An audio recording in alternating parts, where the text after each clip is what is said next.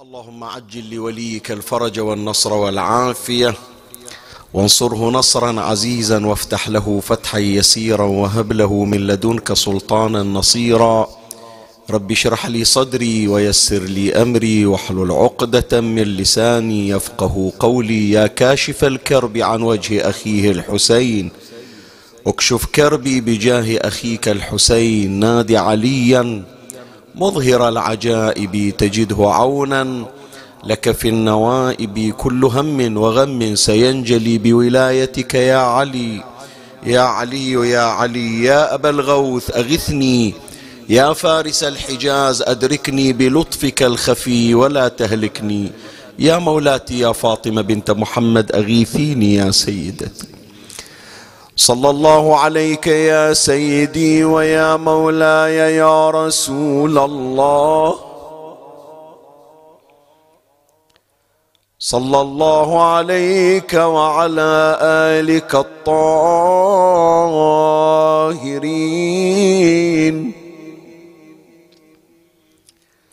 فاز من اعتصم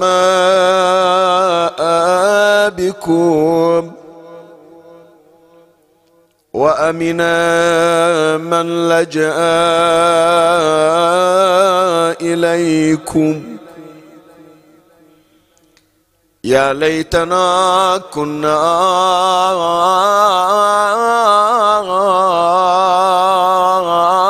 معكم. فنفوز فوزا عظيما ومن خطبة لسيدنا ومولانا أمير المؤمنين علي. صلوات الله وسلامه عليه. ما ضر إخواننا الذين سفكت دماؤهم وهم بصفين ألا يكونوا أحياء يسيغون الغصاص ويشربون الرناق قد والله لقوا الله فوفاهم أجورهم وأحلهم دار الأمن بعد خوفهم. أين إخواني الذين ركبوا الطريق ومضوا على الحق؟ أين عمار؟ وأين ابن التيهان؟ وأين ذو الشهادتين؟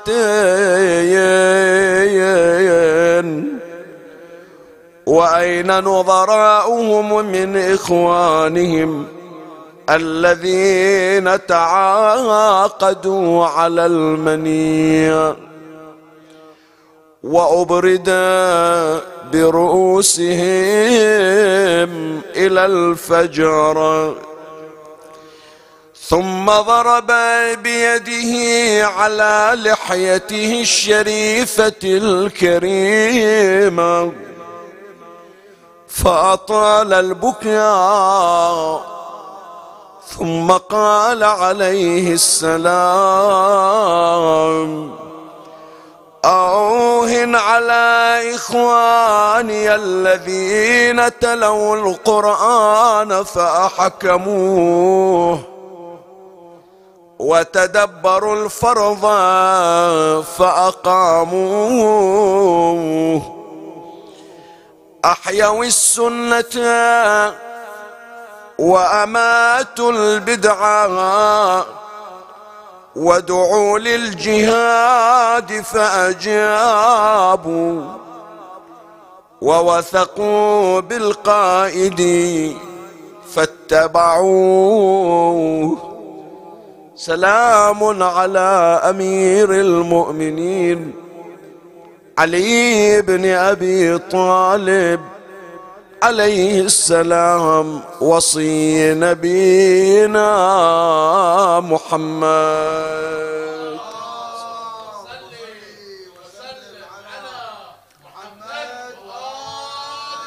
اللهم صل على محمد. اللهم صل على محمد. اللهم صل على محمد.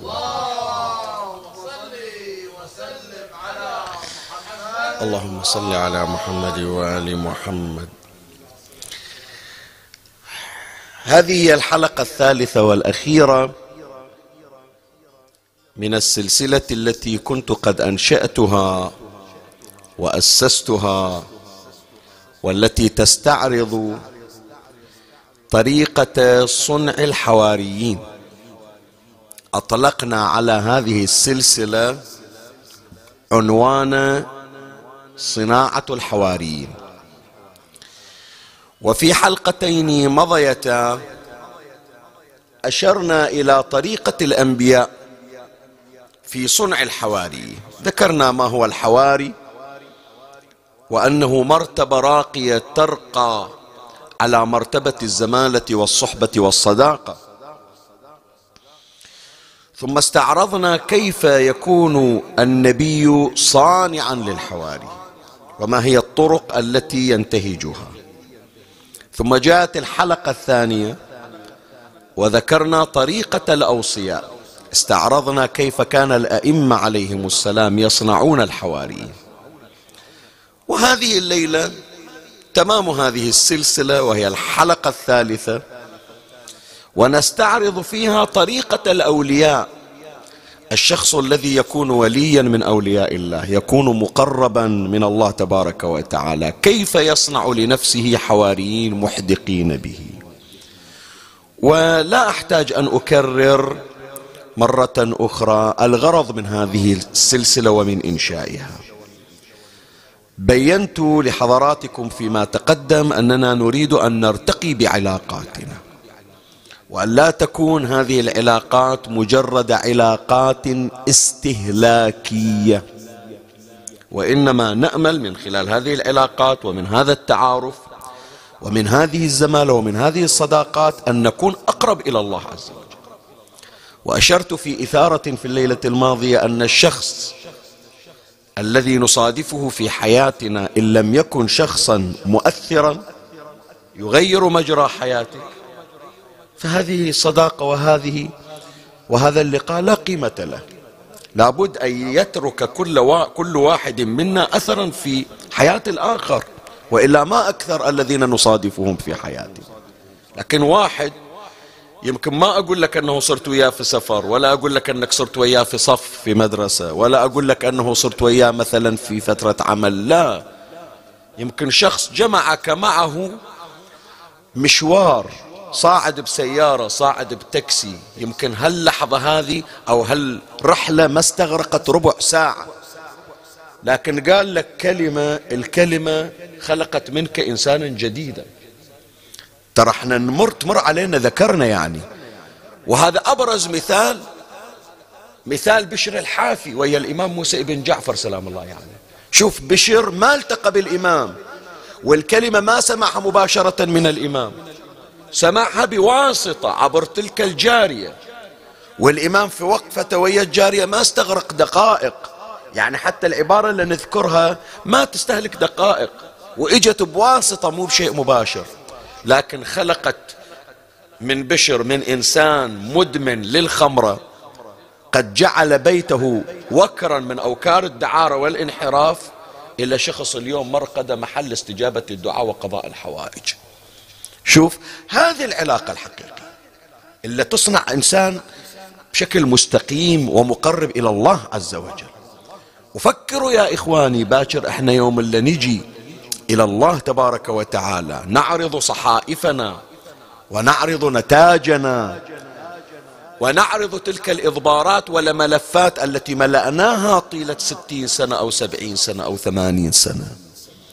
لا تفكر بس هذا ال folder هذا الملف هذا ال file هذه الإضبارة بس حسناتك وسيئاتك ذاك البعيد. لا سوف تأتي بأشخاص كان لهم الفضل عليك في صناعتك. بتجيب هذه المرة الصالحة اللي صارت تصلي صلاة الليل بتجيب زوجها تقول له ما هالزوج كان ما علمني صلاة الليل. ويمكن هذا الزوج بيجيب زوجته بيقول له ما هالمرأة الطيبة إلا منتسلة من أسرة كريمة صالحة. هي غيرتني وصنعت من عندي خوش آدمي وإلا هذا الملف الأبيض ما أقدر أنا أسويه وحدي لولا فضل من الله وأهل البيت وهذه المرأة. ويمكن صديق ويمكن يوم من الأيام خطيب أنت حاضر بمجلس من غير قصد. كلمة طلعت من هذا الخطيب أو من هذا الذاكر فصنعت منك إنسانا آخر. حط في بالك أنه في يوم القيامة ستأتي بأناس لهم فضل عليك. ومن هنا يا أحبائي هذه ميزة التشيع. ولاءنا لأمير المؤمنين سلام الله عليه. وحتى نثمن هذه العلاقة. شوف أنا استغرقت في التمهيد أكثر. كان المفروض مجرد سطرين ثلاثة. بس رب كلمة أحيت صاحبها بعد الموت. شوفوا يا إخواني ميزة التشيع عندنا شنو؟ شنو اللي يفرق في علاقاتنا؟ عن غيرها. إحنا مو ما نختلف مثل غيرنا هم نختلف. عندنا خلافات وعندنا صراعات وعندنا مشاكل. لكن عندنا مرجعية في هذه الصداقات وفي هذه العلاقات. شنو المرجعية؟ ولايتنا لأهل البيت سلام الله عليه. شوف يجي يوم عيد الغدير مو إحنا نسميه أهل البيت يسمونه عيد الله الأكبر. عيد الفطر عيد الأضحى يوم الجمعة كل هذه الأعياد ما تعادل عيد الولاية. شلون؟ شيخنا الأعياد واضحة. عيد الفطر عيد الأضحى. إيه عيد الفطر عقب الصيام الصيام فرع من فروع الدين. تمام لو لا؟ عيد الأضحى بعد الحج. الحج شنو؟ فرع من فروع الدين. عيد الغدير عيد الولاية الولاية أصل لو فرع؟ أصل من أصول الدين. لاحظ ليش سموه العيد الأكبر؟ وفي الروايات أنه ما من نبي نصب له وصيا إلا في مثل يوم الغدير. فلهذا نصب النبي صلى الله عليه وآله أمير المؤمنين. في أعمال يوم الغدير شوف أرجعك أنعش الذاكرة عندك. هذا الشخص اللي تصافحه شو تقول؟ الحمد لله على إكمال الدين وتمام النعمة ورضا الرب بولاية أمير المؤمنين. علي بن أبي طالب شوف أسقطت كل ما كل حقوقي عنك ما خلا الدعاء والشفاعة. هذا الفرق بيننا وبين علاقاتنا علاقات الآخرين ببعضهم البعض. الآخر صار له شريك في عمل صار له زميل في دراسة صار جاره. عقب ما يوديه إلى المقبرة خلاص نساه. إحنا ننظر إلى علاقتنا بعد هذه الدنيا. يقول يمكن نختلف صح. لكن يوم القيامة مهما كنا مختلفين لا أدخل الجنة إلا بك. في روايات هالشكل أنه يستحب للمؤمن أن يقول لصاحبه لا أدخل الجنة إلا بك. يعني حتى لو يجيني خلاص فلان باس طاف تفضل روح فتحت لك الجنة أبوابها. يقول لا أظل واقف في المحشر وزحمة المحشر. ليش؟ الجنة والقصور والحور والعين والأولاد والولدان المقربون والفواكه تنتظرك؟ لا. عندي أصحاب أصدقاء كنت أقعد وياهم في الماتم وكنت أسافر وياهم الأربعينية وكانوا هم أصحاب الفضل علي اللي خلوني أصلي صلاة الليل وخلوني أترك المعاصي. شلون أخليهم؟ لا أدخل الجنة إلا بهم. شوف اي نعم. شوف أثر أثر حبنا لأهل البيت وأثر هالمجالس وأثر التدين وأثر الالتزام وأثر ولاية محمد وآل محمد صلوات الله عليه.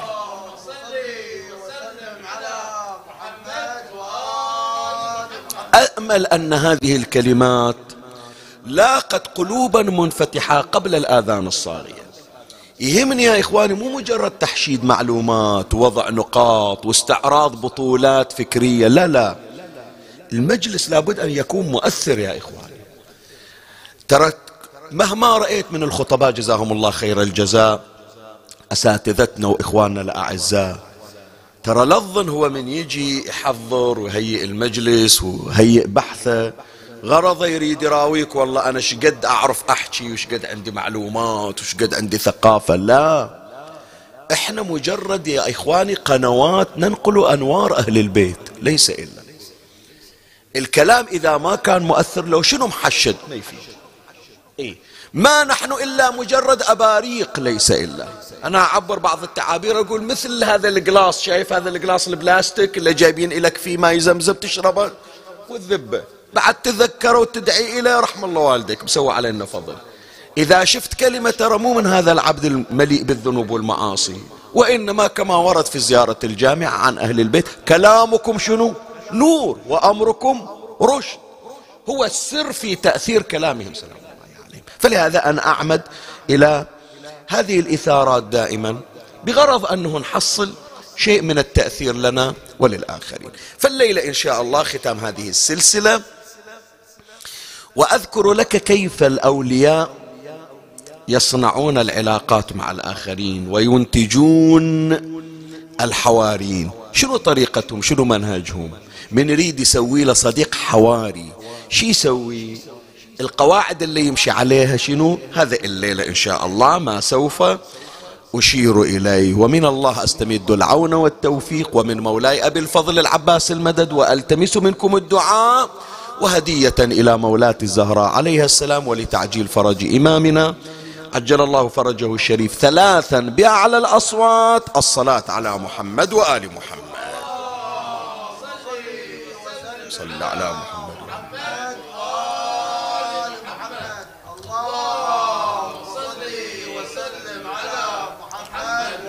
اللهم صل على محمد وآل محمد.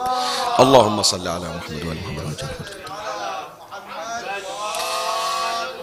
أول منهج يمشي عليه الولي لصناعة الحواري أن الولي دائما يريد من صديقه من حواريه أن يكون مثله وأن يقاسمه الدور. وهذا الفرق يا إخواني بين أي صداقة أخرى وبين صداقات الأولياء. صداقاتنا إحنا حتى لو قعدنا ويا بعض ما واحد يتمنى صديقة يصير أحسن من عنده. اي كل واحد يريد يسبق الثاني. صديقي مثلا أفرض عنده ثروة أنا أريد ثروتي أكثر من عنده. صديقي من يقعد في المجلس خوش يسولف أنا أريد أتعلم سالفة وأريد أعرف شلون أحكي من أقعد أصير أنا المميز قبل صديقي. تمام لو لا؟ بينما الأولياء لا. الأولياء من يشوف في نفسه عنده شيء يتمنى في أصدقائه في حواريه أن يكونوا مقاسمين له في هذا العمل. يخدم في المأتم يقول مو أنا بس بروحي أخدم أريد ربعي يجون يخدمون وياي. إذا وصلت إلى درجة إذا وصلت إلى مرحلة أريد ربعي ليش يصيرون أقل من عندي؟ أريدهم يصيرون مثلي. فلهذا أولياء الله يا إخواني لا يريدون أن يتفردوا بالولاية. ما يريد يقول بس أنا أريد أقعد في المجلس أصير أنا الولي. واللي قاعدين كلهم خدم عبيد إلي. لا. وإنما يريد استنساخ الولاية. خلي أعيد العبارة وأحفظها. استنساخ الولاية. يعني ما يستانس أنه واحد أقل من عنده في المجلس أو من يمشي.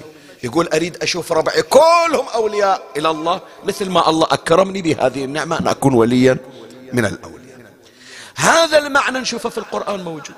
إحنا نمر عليه. لكن بحاجة إلى تدبر. شوية حط بالك في الكلمة. يعني ما راح أذكر لك آيات جديدة أول مرة تسمعها. لا أنت تحفظها. حتى من أقراها إليك الآن راح تتابعني فيها.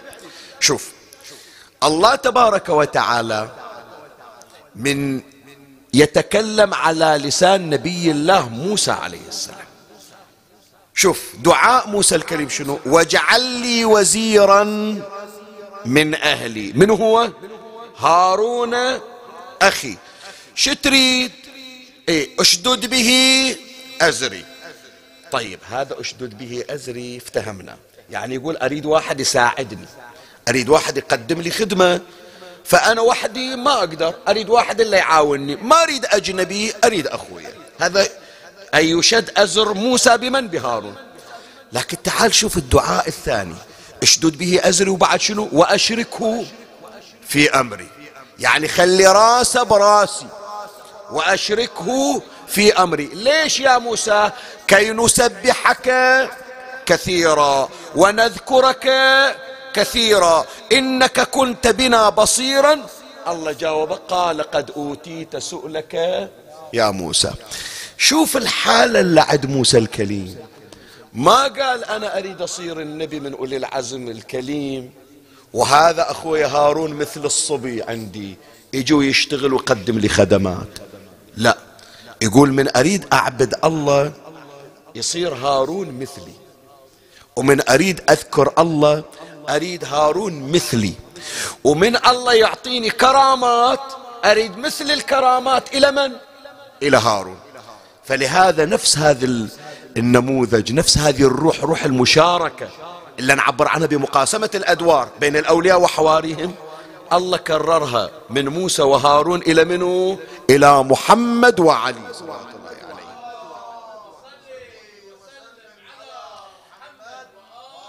فلهذا الحديث الذي هو شائع عند كل المسلمين يا علي أنت مني بمنزلة هارون من موسى إلا أنه لا نبي بعدي يعني شنو من الله أعطاني من كرامات؟ الكرامات اللي عند محمد هي عند علي.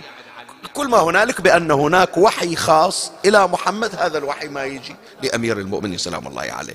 حديث المنزلة يسمونه حديث المنزلة. هذه الروح يا إخواني من واحد يصير مقاسم للآخرين في الدوم هذا اللي يخلي الولي ولي وهذا اللي يرقي الحواري إلى أن يصل إلى درجة الأولياء. هذا هو. ما تقول والله أنا أريد بس أنا وحدي لا. من تصير الأنانية؟ حتى إذا موجودة مرتبة الولاية تنسلب ذاك البعيد. من تحب الآخرين يشاركونك الله تبارك وتعالى يفيض عليك ويفيض على الآخرين. ولهذا يا أحبائي فكروا ليش موسى الكليم عليه السلام ما كان يريد يستأثر بالدعاء. يقول جيب لي هارون خليه آزرني وأنا اللي راح أسبحك وأنا اللي راح أذكرك وأنا اللي راح أجند نفسي إلك قال لا اثنين. ويا ريت كل الناس تصير موسى مو بس موسى واحد. الله شوف إيش عطى موسى. جعله كليما له لأن عنده هذه الروح روح المقاسمة مع الآخرين. تقول لي شيخنا هذا اللي حكي أنبياء. هذا الحكي كان في زمن موسى وراح. وصرنا بس نذكره في القرآن. اليوم ما موجود هالكلام. لا عمي لو خليت خربت. بالعكس فتش انت في التوفيق اللي موجود. شوف الأعمال الموفقة. واحدة من عناصرها تدري شنو؟ مقاسمة الأدوار والمشاركة. ولهذا شوية خلي راح أخلي الورقة على كتر. خلي تصير الليلة نوع من الدردشة وأنا كثير من أحبائنا جزاهم الله خير الجزاء يعرفون أنا مهتم جدا مهتم بأمور عدة ومن هذه الأمور واحدة مآثر أهل البحرين.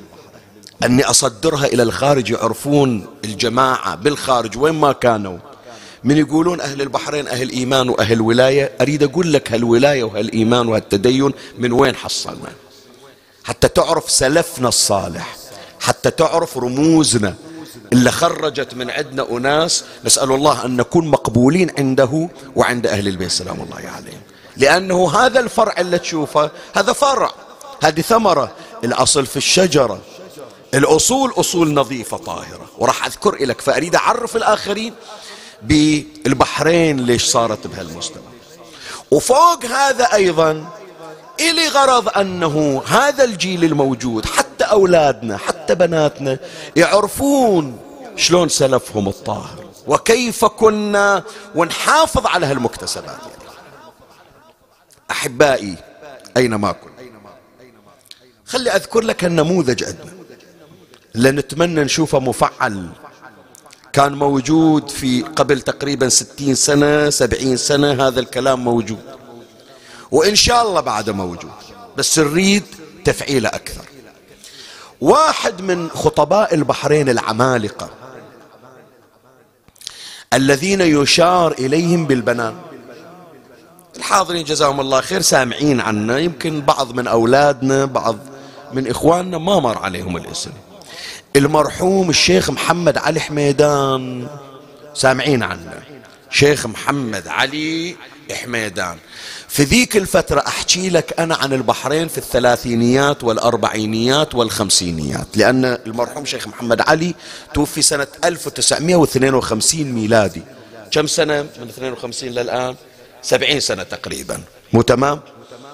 شيخ محمد علي حميدان رحمة الله عليه كان من الثلة اللي هم يسمونهم صفوة المنبر.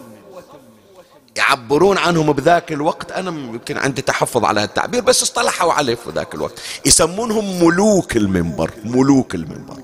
ما يستقلون بالآخرين لكن هذول الرعيل الأول أساتذة المنبر. بعد هم إلا طاقات وتميز. كان في الصدارة المرحوم ملا أحمد الرمل. يجي في الصدارة منه ملا عطية الجمري يجي وياهم في الرتبة والطبقة. شيخ محمد علي حميدان. اكو واحد يسمونه ملا, ملا إبراهيم البصري. هذول سادة المنبر آنذاك. فترة الأربعينيات وفترة الخمسينيات. وطبعا ما يصغرون موجود آخرين وهم عمالقة بس هذول في الصدارة. مصنفين حسب تقييم الخطباء. وحسب تقييم أعمدة المنبر مثل شيخ أحمد العصفور شيخ أحمد مال الله رحمة الله عليهم اللي هم تلامذة الذولة.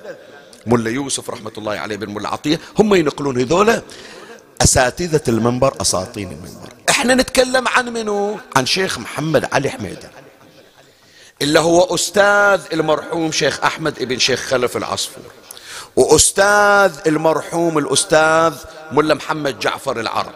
وأستاذ المرحوم ابن ملا جواد حميدان وأستاذ المرحوم ملا علي بن رضي وأستاذ مجموعة من الخطباء. هذا كان من الأرقام المميزة. الغريب في شيخ محمد علي حميدان يا جماعة أمرين الناس مستغربة من عنده. يعني مع الأسف ما عندنا تسجيل حتى نقدر نقيم. اعتمدنا على النقولات. إلا عاش في ذيك الفترة يتذكر.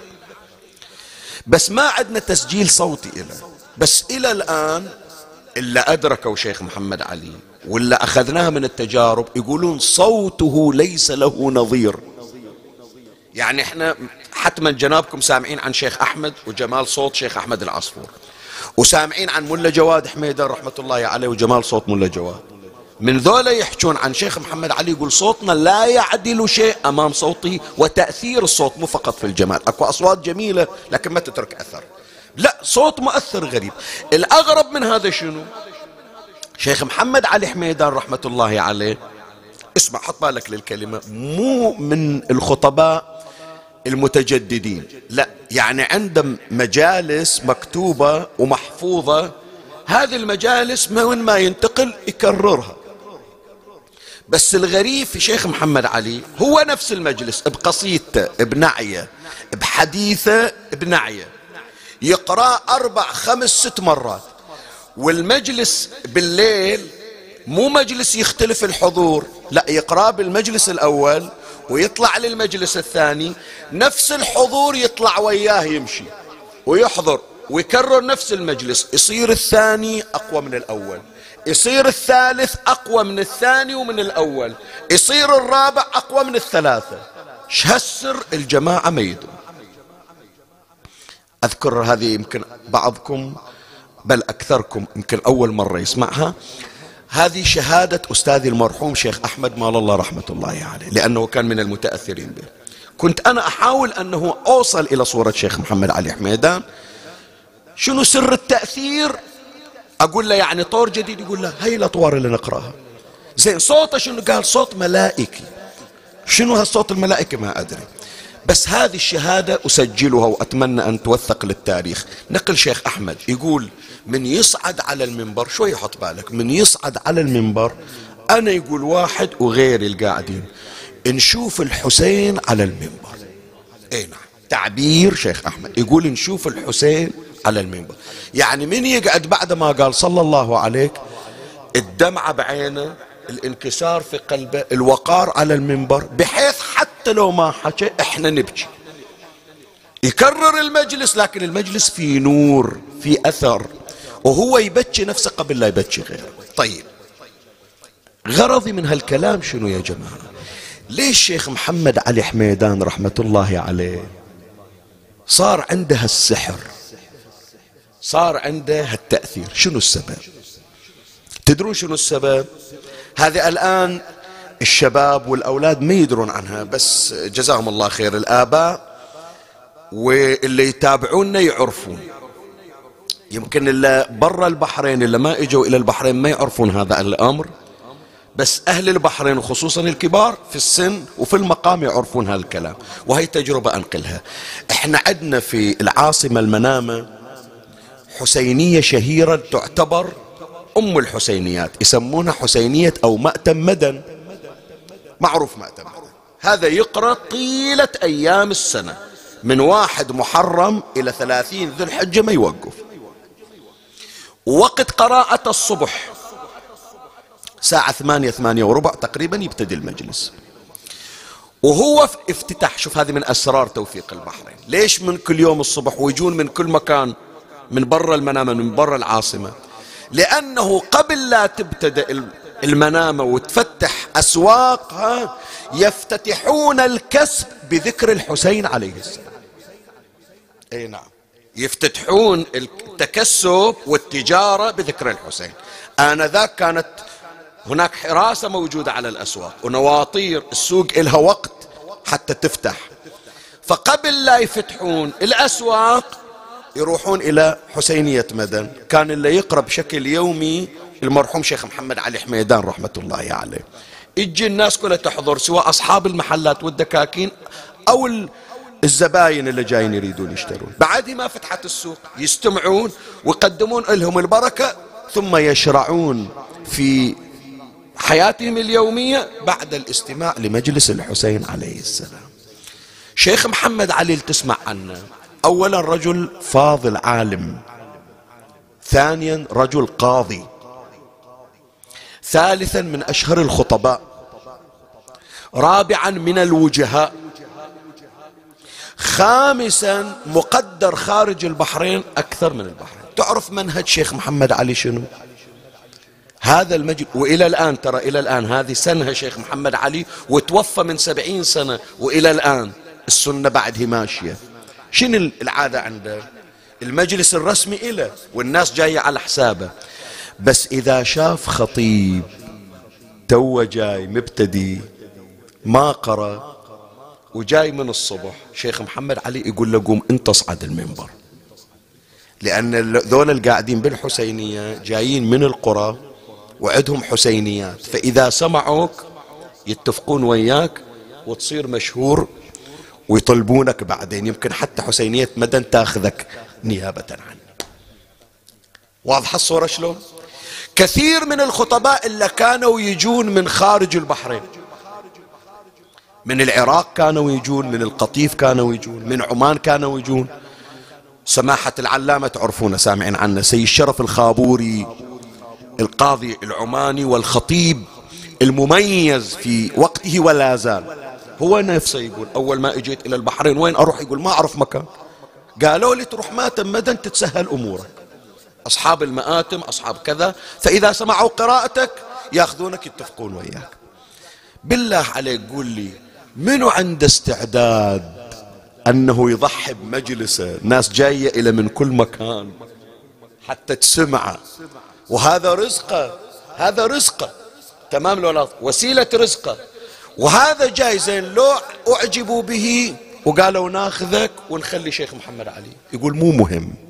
أنا ما دام عندي مدد من الله ومن الحسين ما أحتاج. لا إلى حسينية مدن إلا سوى مدن يسوي مدائن مو مدن واحد. تمام لولا بهالروح الموجودة يا إخواني كان السر والتوفيق عنده. شيخ محمد علي حميدان رحمة الله وتوفى شيخ محمد علي واستمرت عقبة اجى خطيب آخر يعرفونه هم الجماعة المرحوم سيد محمد صالح ابن سيد عدنان. استمر في في مجالسه في في حسينية بدر. وأنا اللي أحكي لكم وين عقب فترة من إجت فترة التسعينيات أول مجلس عاشوراء قريته بمسيرة الخطابية. كانوا الخطباء اللي موجودين في ماتم بدن قالوا شيء ملا ياسين قوم اصعد خلي يشوفونك. فمن قرية المجلس واحد إجا الله يرحمه قال تقرأ مجلس وقرية المجلس من وراها. هذه الروح اللي موجودة يا إخوان روح المشاركة. القضية قضية حسين عليه السلام. القضية قضية ولاء أهل البيت. ومن تشارك الآخرين بهذا العطاء وبهذه النورانية الحسين عليه السلام يرفع من من مقامات الحاضرين والمشاركين فيجعلهم في رتبة واحدة. ما يقولون هذا فلان أحسن من فلان وهذا فلان غير فلان. بس من تجي الأنانية والحرص؟ أريد أنا لا حتى لو موجود شيء من المؤهلات التأثير في المؤهل يروح. ليش؟ لأنه نور الحسين انسلب من هذا المؤهل. واضح مولاي الكريم؟ طيب نموذج شيخ محمد علي خاف واحد يقول شيخنا بس انتون البحرين؟ لا مو بس إحنا البحرين. كل اللي تسمع عنهم وين ما كانوا كل اللي تسمع عنهم حصلوا هذا الأمر بهذا الأثر. يعني خلي أذكر لك تجربة ثانية من التجارب المرحوم شيخ عبد الزهر الكعبي. الليلة سبحان الله إحنا متوفقين أنه نذكر خدام الحسين عليه السلام. رضوان الله على أرواحهم الطاهرة. وقبل لا أذكر هذا النموذج أريد أذكر شيء يمكن حتى أهل العراق ما يدرون عنه. خلى الليلة يوثقون من عندي والأدلة موجودة ترى. يعني أنا أحكي لك مو بالسماع حتى تقول ما ندري السماع هذا صحيح لو لا. ترى أكو تسجيلات عندنا بالبحرين تأكد هذا المعنى. حتى تعرف هذا شيخ عبد الزهر مو قضية صوت يا جماعة مو قحط أصوات. لا القضية من القصة مو قصة صوت ولا قصة حفظ. القصة قصة مسحة الحسين على الملقي الله يرحمه أستاذي الشيخ الوائلي رضوان الله عليه في إحدى الجلسات وأنا أقول ليش قد عشق البحرين للشيخ الوائلي. فهو يقول ابني هي عبارته يقول ابني ياسين لبالك هو من علمي ومن ثقافتي. يقول أهل البيت اختاروا هذا اللسان ينطق بفضائلهم ليس لك وإلا يقول أنا أدري أكو ناس أفضل من عندي وأكثر تحصيل من عندي. لكن فقط اختيار أهل البيت. من يصير هذا الحس يصير التأثير وتصير الجاذبية مولاي شيخ عبد الزهر الكعبي مسجل عندنا يوم العاشر من المحرم. وإحنا نعرف شيخ عبد الزهر شيخ عبد الزهر آية شنو؟ مقتل الحسين عليه السلام. اليوم المقتل الشيعي الأبرز مقتل شيخ عبد الزهر. يقرأ في حسينية عندنا منطقة بالبحرين راس رمان. تعرفونها طبعا. يقرأ الصبح الساعة تقريبا سبعة الصبح المجلس. قبل مجالس العاصمة المنازل يا جماعة مجلس قارن التسجيل عندي بالسبعينيات. ساعة ونص قاري ساعة ونص تسعين دقيقة. يوم العاشر الخطيب المفروض مستهلك. وموصل إلى وداع مولاي الإمام الحسين عليه السلام مع ابنته سكينة. سيطول بعدي يا سكينة فاعلمي منك البكاء إذا الحمام دهى. والناس لا تكاد تفيق من البكاء. زين الآن هذا إذا في الوداع وهالشكل ضجيج وهيجان. في المقتل في المصرع شي يصير؟ مو أكثر؟ مستعد خطيب يضحي؟ شغلة كله من واحد محرم إلى عشرة محرم حتى هاللحظة هذه. هذا إلى الآن أنا لو أحطه على مائدة التشريح ما عندي جواب. بس أنا أقول لك هذه أسرار توفيقات خدام الحسين. والناس في هيجانهم قال يا جماعة الخطيب اللي جارنا في الحسينية الثانية ابتدى والحسين ما يقبل أن مجلس يكسر مجلس. فأنا وياكم الآن راح نختم المجلس وأنزل من على المنبر وأمشي وياكم ونروح نكمل المصرع عند الخطيب في المأتم الثاني. وصلى الله على م... ونزل من على المنبر وش كم عبد الزهر الكعبي عندنا اليوم حجي؟ رد علي أنا أسألك. كم شيخ عبد الزهر الكعبي اليوم تحصل إلي واحد يقرأ المقتل يقص المقتل يوقف يقول حتى ما نخرب على خطيب آخر جارنا. وين تحصل؟ قل لي اليوم موجود؟ هذا يا إخواني النموذج النوراني نموذج الأولياء اللي حصلوا نور المولى. بهذه الحالة بالمقاسمة مع الآخرين. عندنا بالبحرين. هذا الآن ما موجود خلص بعد. هالسنين راح. إحنا لحقنا عليه في أواخره بس راح. كان من الأشياء الموجودة اللي يتعاطوها الخطباء على المنبر في شيء يسمونه مناول. حط بالك للكلمة. شو يسمونه؟ مناول. شنو المناول؟ المناول الخطيب يقرأ ويا خطيب ثاني لو تلميذة أو إذا موجود خطيب اثنينهم يقرون جميع. الآن يسمونها ناعية الناعية غير قبل الحين لا هم الخطباء مقرر لهم أنهم يسوون تعزية مشتركة.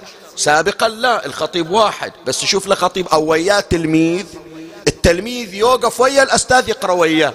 ويمكن الأستاذ يسكت ويخلي التلميذ يقرأ.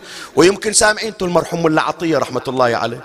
كان عنده من تلامذته كان ملا محمد علي الناصري كان ملا صالح مال الدراس وخطيب مسجل وياه. رحمة الله عليه من الأطهار اسمه ملا محمد علي من جعفر. ملا عطية بكبرى والناس جاية إليه. يترك الأبيات النعي إلى هذا التلميذ إلى هو يقرأ أو يقوم يقرأ وياه. أنا هذا الحمد لله كتجربة شخصية الله وفقني إلى مع أستاذي المرحوم شيخ عبد الأمير الجمري. أنا بعد ذاك الوقت 15 سنة عمر هذه سنة 90 أحكي لك. 15 60 16 سنة مو أكثر. شايف؟ أوقف أنا ويا شيخ عبد الأمير. أنا طفل لا شوارب لا لا لحية. وشيخ عبد الأمير يقرأ بيت وأنا أقرأ بيت ليش؟ يقول أنا هذا اللي حصلته أعطيه إلى التلميذ اثنين نشترك في الخدمة وهذا باكر يستوي باكر يصير. بهالروح الموجودة بالتجرد من الأنانية الله عطاهم التوفيق. فلهذا صاروا عظماء وصاروا خطباء. شيخ عبد الزهر الكعبي سامعين أنتم المقتل ماله؟ هذا ساعتين. هذا يمكن معلومة عندكم خلوها يمكن أول مرة تدرون عنها. لأن اللي يخبرني رحمة الله عليه أحد تلامذة الشيخ عبد الزهر الكعبي الموا... الملازم إلى اسمه سيد جبار الموسوي رحمة الله عليه كان صديق عزيز وأنا استفدت من عنده كثير. كان هو تلميذ شيخ عبد الزهر.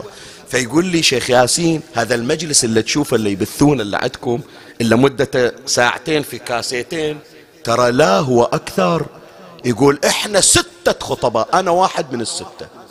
شيخ عبد الزهرة بالمقتل والناس جاية على حسابه من يشوف خطيب قم اقرأ بيتين على العباس. قم اقرأ بيتين على علي الأكبر. انعال حتى كلنا إحنا ننعى والكل يشترك. منو يسويها عمي؟ إيه ذول الأولياء بهذه الحالة اللي كانت عند موسى الكليم تمنى لأخيه هارون ما تمناه لنفسه وقاسمه معه. الله بارك لهم والله وفقهم. والله فإذا أول منهج من مناهج الحواريين العفو من, مو... من مناهج الأولياء في صنع الحواريين أنه يقول الشيء اللي عندي أريدك تشترك وياي فيه. فلهذا يصيرون ويا بعض متزامنين لأنه جمعهم مبدأ واحد. هذا أول أمر. زين. الثانية إخواني من الأمور التي تصنع الحواري. لا مو فقط أنك تقاسمه. لا تشوف روحك في الحواري. شلون؟ يعني الشيء اللي تحبه تشوفه في هذا اللي تحبه. والشيء اللي ما تحبه تباعد عن ذاك اللي يحبه. ترى نفسك فيه مو تقول راسي براسك مو يوم اللي نختلف من بعد ذاك الحب والروحة والجية تالي الضربة تجيك من عندي والطعنة تجيك من عندي. لا يرى الولي نفسه في الحواري وأغرب قصة مرت علي يا إخواني في تاريخ أهل البيت صلوات الله عليه. قصة إبراهيم الجمال مع علي بن يقطين. علي بن يقطين أحد أصحاب الإمام موسى بن جعفر سلام الله عليه. واستوزره هارون الرشيد خلاه وزير. وما يعرفون عنه بأنه شيعي. والإمام الكاظم عليه السلام قال له من إجا إلى قال له سيدي عارضين علي وظيفة وزير وأنا ما إلي خلق. خاف تغرين الدنيا وأخاف أنه باكر أنا أصير قال له لا روح. أنت تقضي حوائج الناس. حتى قال له قال له يا ابن يقطين اضمن لي واحدة أضمن لك ثلاث. اضمن لي أن لا ترد أحدا من شيعتنا وأضمن لك أن لا يصيبك حد سيف أبدا. ولا يظلك سقف سجن أبدا ولا يصيبك فقر في دارك أبدا. لا تفتقر لا تنقتل لا تنسجن. بس واحد اللي يجيك لا تسد الباب بوجهه. له من عيني. وبالفعل صار علي بن يقطين يقضي الحوائج. ذاك اليوم علي بن يقطين صايرة عنده أشغال واجد ومو قادر يتفرغ أنه يستقبل أحد. ملفات على بعضها. فقال للحاجب أوقف على الباب وسد الباب. أي واحد يجي يقول له الوزير مشغول. تعال غير وقت. فواحد من شيعة الإمام الكاظم اسمه إبراهيم الجمال. فقير الله مسكين عنده بعارين وبهايم يأجرهم. إيه. صارت عنده شغلة إلمن يروح فقير عمي ما عنده أحد. قال هذا علي بن يقطي من ربعنا ومن جماعتنا وموالي وما يفرق بين الغني والفقير خلي أروح أدق بابه. من إجا؟ الحاجب واقف قال له اليوم بند خلاص سادين الأبواب. تعال باكر. قال شغلة ضرورية. قال تعال باكر. قال روح قل له ابن يقطين. ترى إبراهيم الجمال قال ابن يقطين الوزير قايل ما يريد يستقبل أحد الله وياك روح. زين هذا علي بن يقطين ما يدري شنو القضية. بس هو مقرر عند بعض الأشغال. إبراهيم قال مو لازم ما يخالف مشغول الله يشغله بالخير مشي عنا. إجا موسم الحج علي بن يقطين طلع من العراق وإجا إلى الحج ولما انتهى من حجه عرج على مدينة النبي محمد صلى الله عليه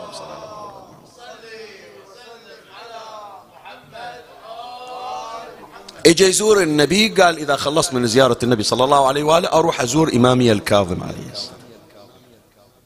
إجا وقف على باب بيت الإمام موسى بن جعفر. دق الباب. طلع الخادم. نعم. نعم. مو على العادة يقول لي نعم. أنا راعي بيت. إحنا البحر نقول راعي بيت. أنا من أجي تنتظرون جيتي. أنا علي بن يقطين. إي آمر شتري. قال أريد أسلم على إمامي موسى بن جعفر. قال انطيني مهلة راح قال الإمام ما يريد يستقبلك. يقول لك روح. تعال غير يوم مثل ما قلت له. إبراهيم الجمال. تعال غير يوم. شلون؟ قال ما يريد يستقبلك. بعضهم يا جماعة أنا أذكر من أذكر هالقضايا هذه يقول شيخنا شلون الإمام يصدر من عنده مثل هالأمر؟ هي ترى مو بس للإمام الكاظم صارت للإمام الكاظم ويا علي بن يقطين. صارت للإمام زين العابدين. ويا بعض الأشخاص. صارت للإمام الرضا عليه السلام. أحيانا يمنع هذا الشخص من الدخول. وأحيانا يغلق الباب في وجهه. شلون؟ إيه. بعضهم يقول هذا إحنا ما نسويها شلون الإمام يسويها؟ لا. الإمام وجه الله يا اخوان شلون أعرف أن الله راضي علي أو غاضب علي؟ الإمام تصرفه مو تصرف مثل أنا مزاجي لا. من الله غاضب علي لازم الإمام يراويك أن الله غاضب عليه. فيقول لك يوم سديت بابي عنك يعني الله سد بابك عن باب عنك. صلح نفسك وإذا فتح لك باب الله افتح بابي. فلهذا مواقف الأئمة من هالنوع مواقف تربوية تعليمية يا إخوة طبعا أنت تقول لي زين والعصاة شلون؟ لا ذاك الإمام يدخل في مشروع الهداية. بس واحدة من الأساليب يبين إلى الإمام أن اللي سويته جريمة نكراء روح عدلها. مثل ما سوى موسى الكليم من إجا وشاف جماعة بني إسرائيل قد عبدوا العجل واتخذوا السامري. إيش سوى؟ كسر الألواح. كسر الألواح وأخذ بشعر ولحية هارون حتى يعرفون بأن اللي سووه جريمة نكراء. وأمرهم قال لهم حتى تتوبون وتنزل عليكم الرحمة لابد أن تقتلوا أنفسكم. على أي حال هذا يترك في موضعه نتعرض إليه قال له الإمام حجبك ما يريدك. هذا يعرف علي بن يقطين مو واحد عادي واحد عادي يقول يا الله ما يريدوني مو لازم هم أنا ما أريدهم. بس رجل عالم علي بن يقطين. يقول إذا الإمام طردني يعني أنا مطرود من رحمة الله. لا أأمن نزول البوائق ولا أأمن نزول المصيبة من الله. فظل مسكين علي بن يقطين قاعد عند عتبة بيت الإمام موسى ابن جعفر. ميت باع قال أمنع نفسي من الأكل من الشرب حتى يرضى عني باب الحوائج. إجوا إلى سيدي الوزير علي بن يقطين مو راضي يتباعد عن العتبة خرج له الإمام الكاظم. قال له سيدي ما صنعت شو مسوي؟ شو مسوي إلا نزلني يا جماعة؟ يا جماعة خلي ياسين يحكي ويا نفسه وخلي كل واحد يحكي ويا نفسه. قبل لا يوم من الأيام تفكر في المعصية شوف أنت شنو عند الحسين؟ وش راح تسويك المعصية اللي راح تسويها عند الحسين؟ هذا اللي كان مقرب أحكي وياكم. تعرفون أحيانا بعض الكلمات كأنما تروح إلى أشخاص بأعينهم بس الكلام عام للجميع ولي للمخاطب قبل المخاطب. هذا اللي من يجي لصلاة الليل حتى لو تعبان يقعد إلها من زود ما صلاة الليل تحبه ومن زود ما الله ما يريد يفارقه. حتى وهو قبل ربع ساعة عينه مغمضة من يجي وقت صلاة الليل كان واحد يقول له قوم الله ينتظرك. إيه ما راحت من عنده نعمة صلاة الليل. ذاك اليوم يسوي ذنب يسوي خطيئة. وإذا تاليها مو موفق لصلاة الليل مو موفق للدمعة على الحسين مو موفق لأعمال البر مو موفق للزيارة. شو مسوي؟ وين كان عند الله وعند أهل البيت وتاليها وين؟ وين صار؟ الذنب والمعصية يسوى يا جماعة. أنت سابقا الملائكة تغبطك على ما أنت فيه. الآن حرمت نفسك من هذا كله. ابن يقطين يفكر في الكلام يقول أنا وين عند موسى ابن جعفر؟ وتاليها وين إلا الباب ينسد بوجهي شو مسوي؟ فلهذا أول كلمة قالها علي بن يقطين للإمام الكاظم عليه السلام ما صنع؟ شوف الإمام إيش قال. الإمام عليه السلام قال له هذه العبارة قال له حجبتك لأنك حجبت أخاك إبراهيم الجمة. سويت ببغداد؟ سديت الباب لأنه فقير.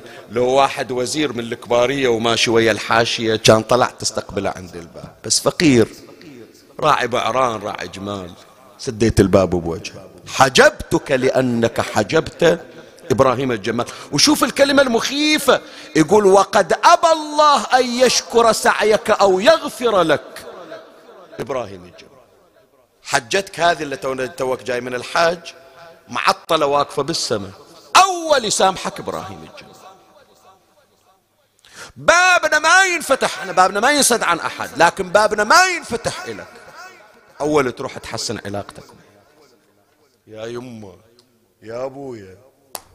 شدبرها شتخلي لها والطين فلهذا قال له قال له سيدي ومن أين لي بإبراهيم؟ إبراهيم الجمال في العراق وأنا الآن في المدينة. شلون أنا الآن قلبي طاوعني أرجع؟ وأنت غضبان علي. شي, شي يعطيني شي يجيب لي إبراهيم الجمال. قال له الإمام هذه حتى تعرف. بعدهم أهل البيت يا إخواني حطوا بالكم هذه رسالة لكم حتى لو واحد يقول أنا مسوي معصية ما أنا عارف شلون أصلحها. أهل البيت يصلحونها أهل البيت يمدون يد العون. هذا اللي يقول شيخنا أمي ما تحكي وياي. أبويا زعلان علي. صديقي كل ما أحاول أوصله يسد الباب بوجهي. رحمي كل ما أسلم عليه ما يرد عليه. شو أسوي؟ أنت تطلب من أم البنين قضاء الدين. انت تطلب من ام البنين ومن العباس شفاء المريض. واحدة من الأمور اللي تطلبها من أهل البيت انهم يصلحون علاقاتك بالاخرين. يسوونها لو ما يسوونها. هذا النموذج حطه في بالك شوفه الإمام الكاظم قال له أنا أساعدك. قال له دبرني سيدي إيش أسوي؟ قال له أنا أقول لك شو تسوي. الليلة من تخلص الصلاة من المسجد اطلع. لا تخلي أحد يطلع وياك. وامضي إلى البقيع. فستجد فرسا مسرجا. امتطه يأخذك إلى العراق. بنفس الوقت ما بتشوف نفسك إلا بالعراق. طي الأرض يعني. يعني بيصير لك مثل البراق. بس براق مصغر. قال إن شاء الله سيدي صلى علي ابن يقطين. وطلع راح إلى البقيع ما إجا وإذا الفرس مسرج ملجم جاهز إليه. بس صعد عليه خطوة خطوتين وإذا الفرس موصل العراق. عد باب إبراهيم الجمال. دق الباب. نص الليل ذيك الساعة. إبراهيم يقول من وراء الباب؟ منو جاينا قال افتح. من أنت حتى أفتح لك؟ قال علي علي بن يقطي قال له روح علي بن يقطي أولا وزير شي يجي بعد باب الفقرة. ثانيا الرجال في الحاج. بعدما رجع قال له افتح فقد هلكت يا إبراهيم. ما تدري عني. الله ساد علي الأبواب. باب الحوائج ساد علي الأبواب. افتح فقد هلكت. فتح وإذا صدق الوزير جاي. مو في الحج قال له تحكي ترى اجيت أسلم على الإمام موسى ابن جعفر أغلق بابه في وجهي وحجبني. وقال لا أرضى عنك حتى يرضى عنك إبراهيم. ولا يشكر الله سعيا لك حتى يغفر لك إبراهيم. قال له أنا على شنو هذا أنا ترى مو صاير بخاطري شيء. قال له لا. أريدك تسامحني؟ قال له ما بقلبي شيء. قال قول عفوت عنك. قال عفوت عنك يا ابن يقطين. قال له مو حكي. شلون؟ قال أراويك. فترجل علي بن يقطين ووضع خده عند رجل إبراهيم. قال يا, إبراهيم لا أرضى حتى تطأ بنعلك على صفحة خدي. شيل رجلك بالنعل وحط نعالك على خدي. واسحقني سحق. قال له ما أسويها؟ ويا عدوي ما أسويها. أسويها ويا واحد من شيعة أهل البيت مقرب. قال له هذا يرضيني. تريد رضاي؟ رضاي حط نعالك. كان يرضى إمام موسى بن جعفر. يقول فلا زال إبراهيم يسحق برجله بنعله ويطأ صفحة خد علي بن يقطي دنق عليه شال ضم إلى صدره. قال له سويت؟ فقبل ما بين عينيه تعانقا. تعانقا ثم امتطى علي بن يقطين صهوة جواده. خطوات! وإذا هو بالمدينة. ما وصل المدينة وإذا موسى بن جعفر واقف على الباب. يقول فضمه وقبله. قال هذول شيعتنا. هذول شيعتنا. مو واحدهم من يصير مثلا كذا بمنصب حكومي أو بمنصب مثلا نيابي أو تاجر أو ثري يتنكر من هذا كله. هذول يشوفون كنزهم هذول الموالين لأهل البيت. رصيدهم هم. وبذلك نكون مرضيين عندهم يا إخواني. الليلة يا إخواني أنا أقول لكم شيء. شوفوا الفرق بين أولياء الله وبين أولياء الشيطان. حتى نختم خلاص مجلسنا اكتمل الآن. في أولياء لله هذول أولياء الله ذكرناهم. وفي أولياء للشيطان والعياذ بالله. أولياء الشيطان حتى لو قعد شوف اللي اجتمعوا على رضا الشيطان يقعد ذاك البعيد على مائدة القمار. تجمعهم العلاقات الغير مشروعة. صح هو جروب. صح هذول بالقمار هالفريق وهي هالفريق لكن كل واحد يريد ينال من الآخرين. هذول منو يوقف للثاني في المحشر؟ يقول عطني شوية من معاصيك أنا أشيلها عنك. أنت رفيقي في النادي أنت رفيقي في البوكر. منو؟ شوف القرآن إيش يحكي عن أولياء الشيطان. من يذكر لهم إذ تبرأ الذين اتبعوا.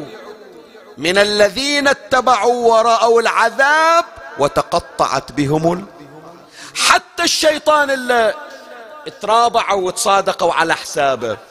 الشيطان من يجي كمثل الشيطان إذ قال للإنسان كفر فلما كفر قال إني بريء منك إني أخاف الله رب العالمين.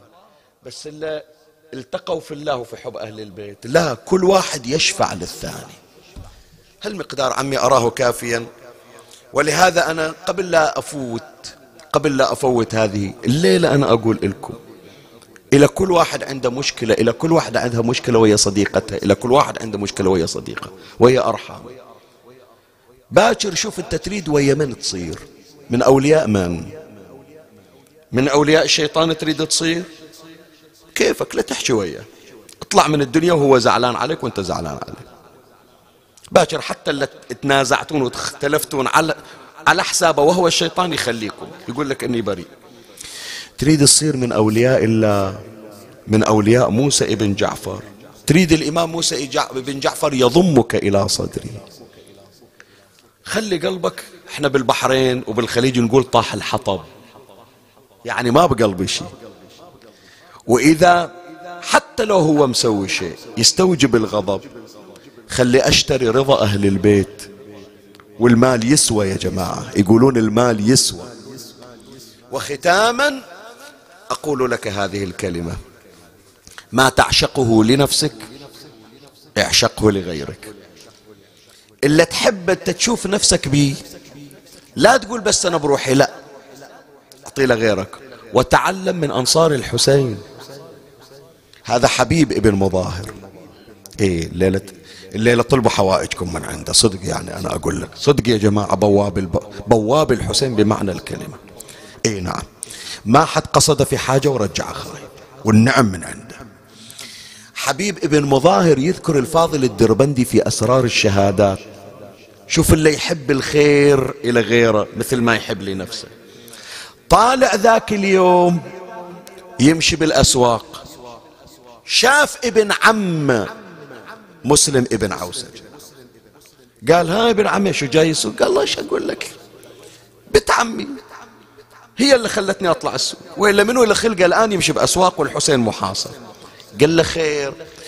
قال البارحة زوجتي بالنوم شايفة طيف كان جايتنها الزهر أم الحسن. وتقول لها قولي لزوجك مسلم فليبتغي لشيبته خضابا فقد أسرع إليه الشيب. والرؤية صادقة بعد هي الزهرة. من رآنا فقد رآنا. وفوق هذا تكررت ثلاث مرات شايفتنها البارحة فأنا قلت لها ما يخالف أولا سنة. شيء مستحب. وثالثا كرامة لأم الحسن. فأنا جاي أشتري خضاب صبغ حتى أصبغ لحيتي. حبيب من أهل العلم من أهل المعرفة. قال له مسلم أنت تغيب عليك هذه الأمور. أنت رجل ولائي تفهمها وهي طايرة مثل ما يقولون تعرف بالإشارة. الزهرة تدور صبغ للحى تدور خضاب. قال له خير قال ما تدري عن ولدها إيش صاير بي؟ ما تشوف السوق إيش صاير بي؟ قائم على قدم وساق. ما أبقوا سلاح إلا صنعوه لحرب الحسين. زهرة جاية إلى زوجتك تقول تريد خضاب إلى زوجك. تريد دمك تقدم دمك فداء لولدها الحسين. فالخضاب اللي تريد فاطمة أن تخضب لحيتك من دم رأسك. هذا اللي نظم عليه ملا عطية رحمة الله عليه. ما شايف يعني مبتكر غير ملا عطية. يوم يقول خضابي بعرصة كربلاء. ما أريد أنا خضاب ولازم يجيني من حبيب المصطفى كتاب. إلى الآن شوف من يوم إحنا صغار. وإلى الآن يعني بعضكم من برا البحرين ما يدري بس أهل البحرين من تجي أيام الأربعين هالبيت يذكرونه إلى ملا عطية. قال له حبيب الأسف والحسرات ما تفيد اتوكل على الله وكربلة. صارت بعيد السنة يا أبو علي والله. إي والله صارت علينا بعيد السنة. نوصل قبل ما ينذبح نسل الأماجيد. يا سعد من يوصل يقبل ذيك الأعتاب. فهو شوف هذه الكلمة اللي حبها حبيب ابن مظاهر لنفسه حبها إلى ابن عمه. والله عطى مسلم ابن عقيل ببركة حبيب. يوم العاشر من المحرم أول ما ضرب مسلم ابن عوسجة حبيب ابن مظاهر اجى إلى الحسين قال له سيدي هذا ابن عمي أريد أروح إليه أنا أقرب واحد إليه. حسين قال له حبيب وشلون أنا أخليه هو جاء أنتوا جايين على حسابي؟ تروح أنت وأخلي ما تصير أكرم من عندي. فمشى حسين وحبيب بن مظاهر. شيخ السماوي يذكر يقول الحسين مو كل واحد يطيح يروح إلى سبعة. سبعة اللي مشى إلهم. ثلاثة من أهل البيت العباس والأكبر والقاسم وأربعة من الأنصار. جون والحر والغلام ومسلم ابن عوسجة. وأول واحد مشى إلى الحسين الحر وتالي مسلم ابن عوسجة. فمن إجا الحسين؟ ويا حبيب ومسلم ابن عوسجة على التراب يخور في دمائه. الحسين قرأ على راسه فمنهم من قضى نحبه ومنهم من ينتظر وما بدلوا تبديلا.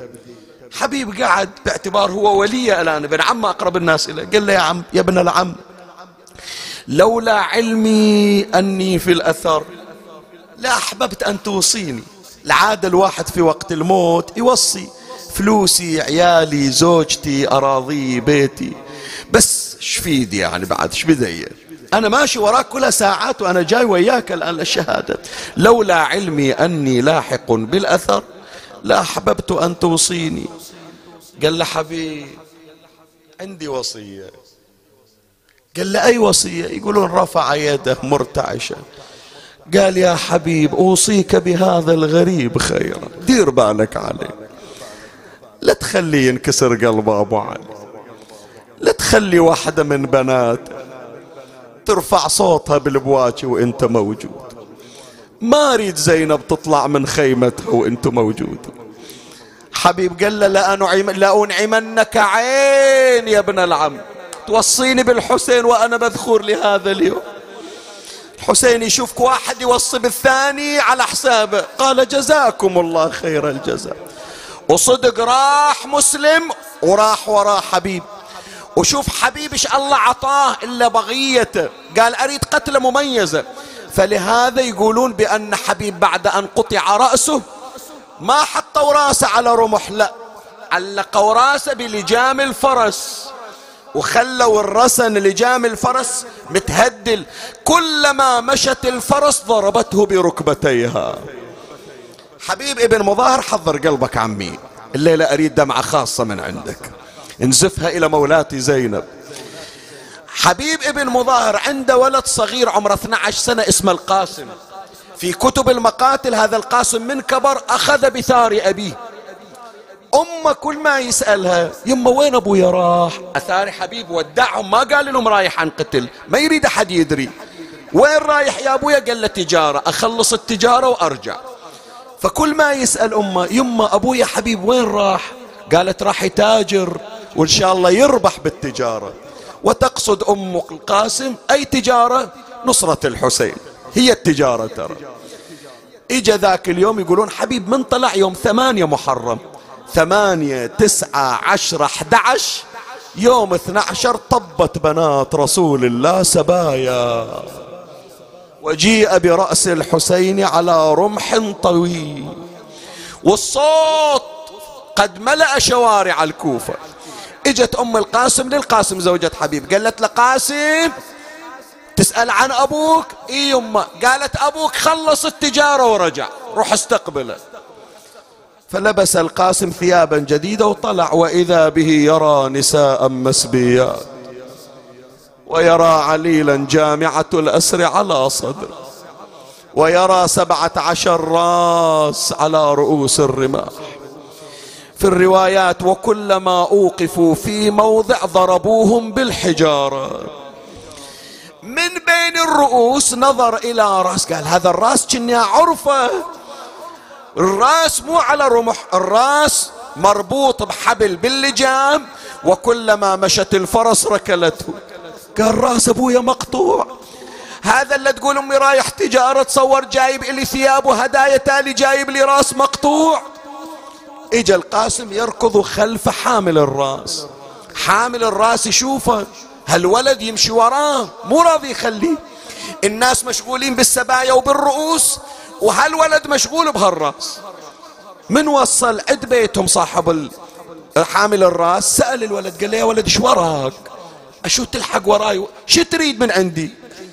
قال له يا شيخ صاحب هذا الراس والدي. أنا ولد وصار لي أسبوع أنا أنتظر شوفته. وأمي تقول رايح بتجارة وراجع لك بالهدايا وتاليها أشوف راسه محمود. أنا يوم مشى أبويا ما قبلته ما ودعته بس خليني أودعه بس خليني أسلم عليه أرجع إليك الرأس أرجع إليك. بس خليني أودعه قال له تعال ما يخالف كسرت خاطري. فحامل الرأس رفع رأس حبيب والقاسم 12 سنة تناول رأس أبي. كان يقول لأبويا تقول راح أجيب لك هدية تالي جايب لي رأسك. قام يحكي عاد الولد ويا الأبو أسألك الدعاء حضر قلبك. يا أبو كل طالع الشميس أسأل أبويا وين؟ طالت علي غيبتك مدري الطريق من بويا يا أبوي. وأمي تقيل لي يا الولد لازم يريد لي أنا. طالت علينا غيبتك يمتى تجي علينا. هذا يا ابويا الرأس وصل والجسد وين؟ ما ترد علي يا الأبو قلب انجسم نصين بويا هذا رأسك جسدك وين؟ كأن حبيب فتح عيونه. قام يحكي ويا الولد. قال له حبيب وما دمعه فوق الوجه هامي. هذه التجارة ما شفت في جملة أيامي. ليش؟ بعت وشريت بمهجتي في محبتي مامي. خليتك بهذا البلد أنصر حبيبي حسين. زين بويا راسك مقطوع أنت رايح تنصره. إيش صار عليك؟ بوي كن ذبح يا ابني وظل جسمه على الغابرة. عقب الذبح ما نال مثل مدلل الزهرة. إيش صار عليه مدلل الزهرة؟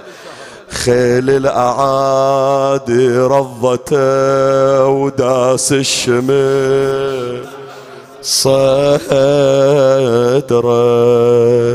كلنا يا ابويا الروح فد وللعزيز حسين. شفت البيت هذا شقد أثر بيك؟ شوف البيت اللي جاي شقد يأذيك أكثر. يقول له يا أبويا ما أقدر أتحمل مرارة اليتم وأنا بعد صغير. قال له أبويا ما تتحمل اليتم أنا أعلمك شلون تصبر على اليتم. إن كان يا ابن اليتم ما تقدر على هواله. دير النظار عاين يتام حسين واطفال أعيده من عيني حاضر. يعني إذا اليتم جرح قلبك أنت مو أحسن من رقية بنت الحسين. إن كان يا ابن اليتم ما تقدر على هواله دير النظار عاين يتام حسين وأطفاله. حجي وشوف الذي فوق المطية يسحب أغلاله. والجامعة بصدره وبرجله مقيدين. هذا راس الحسين. وهذا اللي حاطين الجامعة على صدره هذا زين العابدين. وذول بنات الحسين بس هالمرة اللي كنها فاطمة الزهرة مني هذه؟ من تحكي تكسر الخاطر؟ خلي أروح أسألها. أقبل على الحورة يقلها عاد كلميني. وحياة أبو السجاد حاكيني وتحاكيني. قالت أنا زينب يا عقلي ويا ضوى عيني لكن الدهر مني خان مجتوفة بالإيد. نادى عليها انت هالطاهرة المعروفة تالي الزمن جيتي إلينا ببلدة الكوفة اسمح لي لكن اسئلك ليش لكن اسئلك ليش بحبال مجد؟ أقرأ بيت الختام أسألك الدعاء والا المجلس فعلا. مجلس بكآبة مميزة إلى عشاق زينب اللي تكسر خاطرهم. اسمعها شو تقول زينب تصيح أنا كنت أمر وانهي بكلمتي حاضرك لها عمامي وأخوتي. أنا كنت أمر وانهي بكلمتي حاضرك لها عمامي وأخوتي اليوم ضربوني من أهل دمعتي وانشتم من أحكي فد حكايه ويلي أنا متربية وسط بيت الوحي من خيالي حتى وأهلي أستحي. سمعت أهل الكوفة تالي صايحي وانسبي من ولاية حتى ولاية أنا ما واحد خيالي شوفه تالي شافوا طول أهل الكوفة. على الجمل ويد بحبل مجتوب ومن بلدة تهدى إلى شر بلدة ومن ظالم تهدى إلى شر ظالم. اللهم صل على محمد وآل محمد. للمرضى يا إخواني. جزاكم الله خير الجزاء. انصافا يعني جزاكم الله خير. أنا أتقدم لكم بالشكر. مني شخصيا ومن أصحاب المرضى الذين وجدوا الأثر ببركة دعاء كثير. إي والله الحمد لله رب العالمين. إي يعني بالبحرين وخارج البحرين. الحمد لله خبرونا عن أحد المرضى بالسعودية. كان قد استفحل فيه الورم. يقول شيخنا طاب ولله الحمد وطلع من المستشفى والآن عند النبي يزور. ببركة دعاكم. فكل من سألونا الدعاء من البحرين وخارج البحرين لمرضاهم لحوائجهم لغربائهم لديونهم لكل مشكلة متعسرة. إحنا ندعو لهم إن شاء الله. على مائدة أهل البيت. بسم الله الرحمن الرحيم. أمن يجيب المضطر إذا دعاه ويكشف السوء. أمن يجيب المضطر إذا دعاه ويكشف السوء. أمن يجيب المضطر إذا دعاه ويكشف السوء يا الله باسمك العظيم الأعظم الأعز الأجل الأكرم بك يا الله بمحمد بعلي بفاطمة بالحسن بالحسين بعلي بمحمد بجعفر بموسى بعلي بمحمد بعلي بالحسن بالحجة ابن الحسن بجاه مولاتنا أم البنين بجاه أبي الفضل العباس يا رب العالمين اقض حوائجنا يا الله. دعاكم إخواني. اللهم اقض حوائجهم اللهم شافي مرضاهم. المريضة المخصوصة تفضل عليها باللطف والعناية. فرج اللهم عنا وعن المؤمنين. عجل فرج إمامنا قائم آل بيت محمد. شرفنا برؤيته وارزقنا شرف خدمته وارزقنا رضاه. فإن رضا قلبه علينا رضاك يا رب العالمين. ترحم على أمواتي وأموات الباذلين والسامعين والمؤمنين في مشارق الأرض ومغاربها. أوصل لهم ثواب هذا المجلس بلغهم ثواب الفاتحة مع الصلوات.